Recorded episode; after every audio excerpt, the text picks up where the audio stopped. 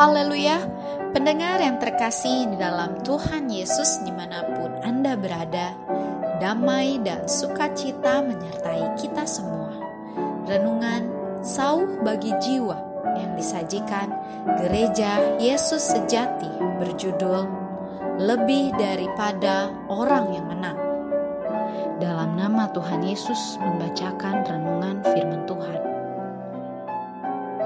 Tetapi dalam semuanya itu, kita lebih daripada orang-orang yang menang oleh Dia yang telah mengasihi kita.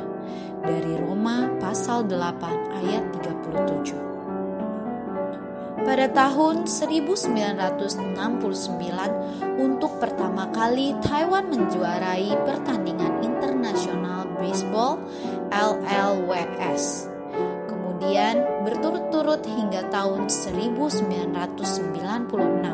berhasil menjadi juara sebanyak 17 kali. Pernah juga dalam satu tahun tertentu Taiwan menjuarai pertandingan LLWS, JLWS, dan SLWS, tiga kejuaraan bisbol internasional.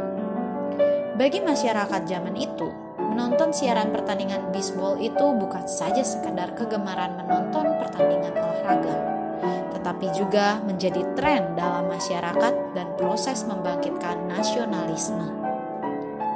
Waktu itu saya masih kecil dan saya masih ingat bagaimana menonton pertandingan bisbol sudah menjadi gerakan nasional. Pada hari pertandingan, di setiap rumah keluarganya akan begadang di tengah malam untuk menonton siaran pertandingan di televisi. Kalau malam itu lawannya adalah tim yang kuat, semua orang akan merasa tegang dan khawatir tim nasionalnya kalah.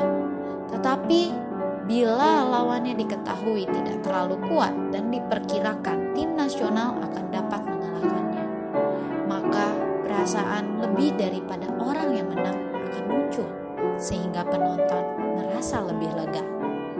Setiap orang dalam hidupnya selalu ingin mengalami kemenangan, halnya setiap olahragawan, dan kalau bisa, lebih daripada orang yang menang. Saya baru percaya Tuhan Yesus di gereja Yesus sejati di waktu Parubaya.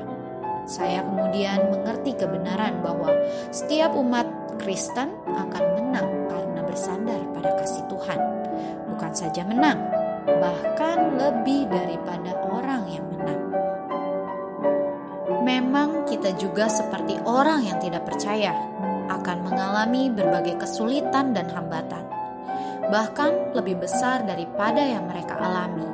Tetapi Tuhan berjanji, walaupun kita menderita penganiayaan di dunia, dalam Dia kita beroleh damai sejahtera. Siapakah yang akan memisahkan kita dari kasih Kristus? Penindasan atau kesesakan? Atau penganiayaan, atau kelaparan, atau ketelanjangan, atau bahaya, atau pedang. Seperti ada tertulis, oleh karena engkau kami ada dalam bahaya maut sepanjang hari. Kami telah dianggap sebagai domba-domba sembelihan. Tetapi dalam semuanya itu kita lebih daripada orang-orang yang oleh Dia yang telah mengasihi kita. Sebab aku yakin bahwa baik maut maupun hidup, baik malaikat-malaikat maupun pemerintah-pemerintah, baik yang ada sekarang maupun yang akan datang, atau kuasa-kuasa baik yang di atas maupun yang di bawah, ataupun sesuatu makhluk lain tidak akan dapat memisahkan kita dari kasih Allah yang ada Kristus Yesus Tuhan kita.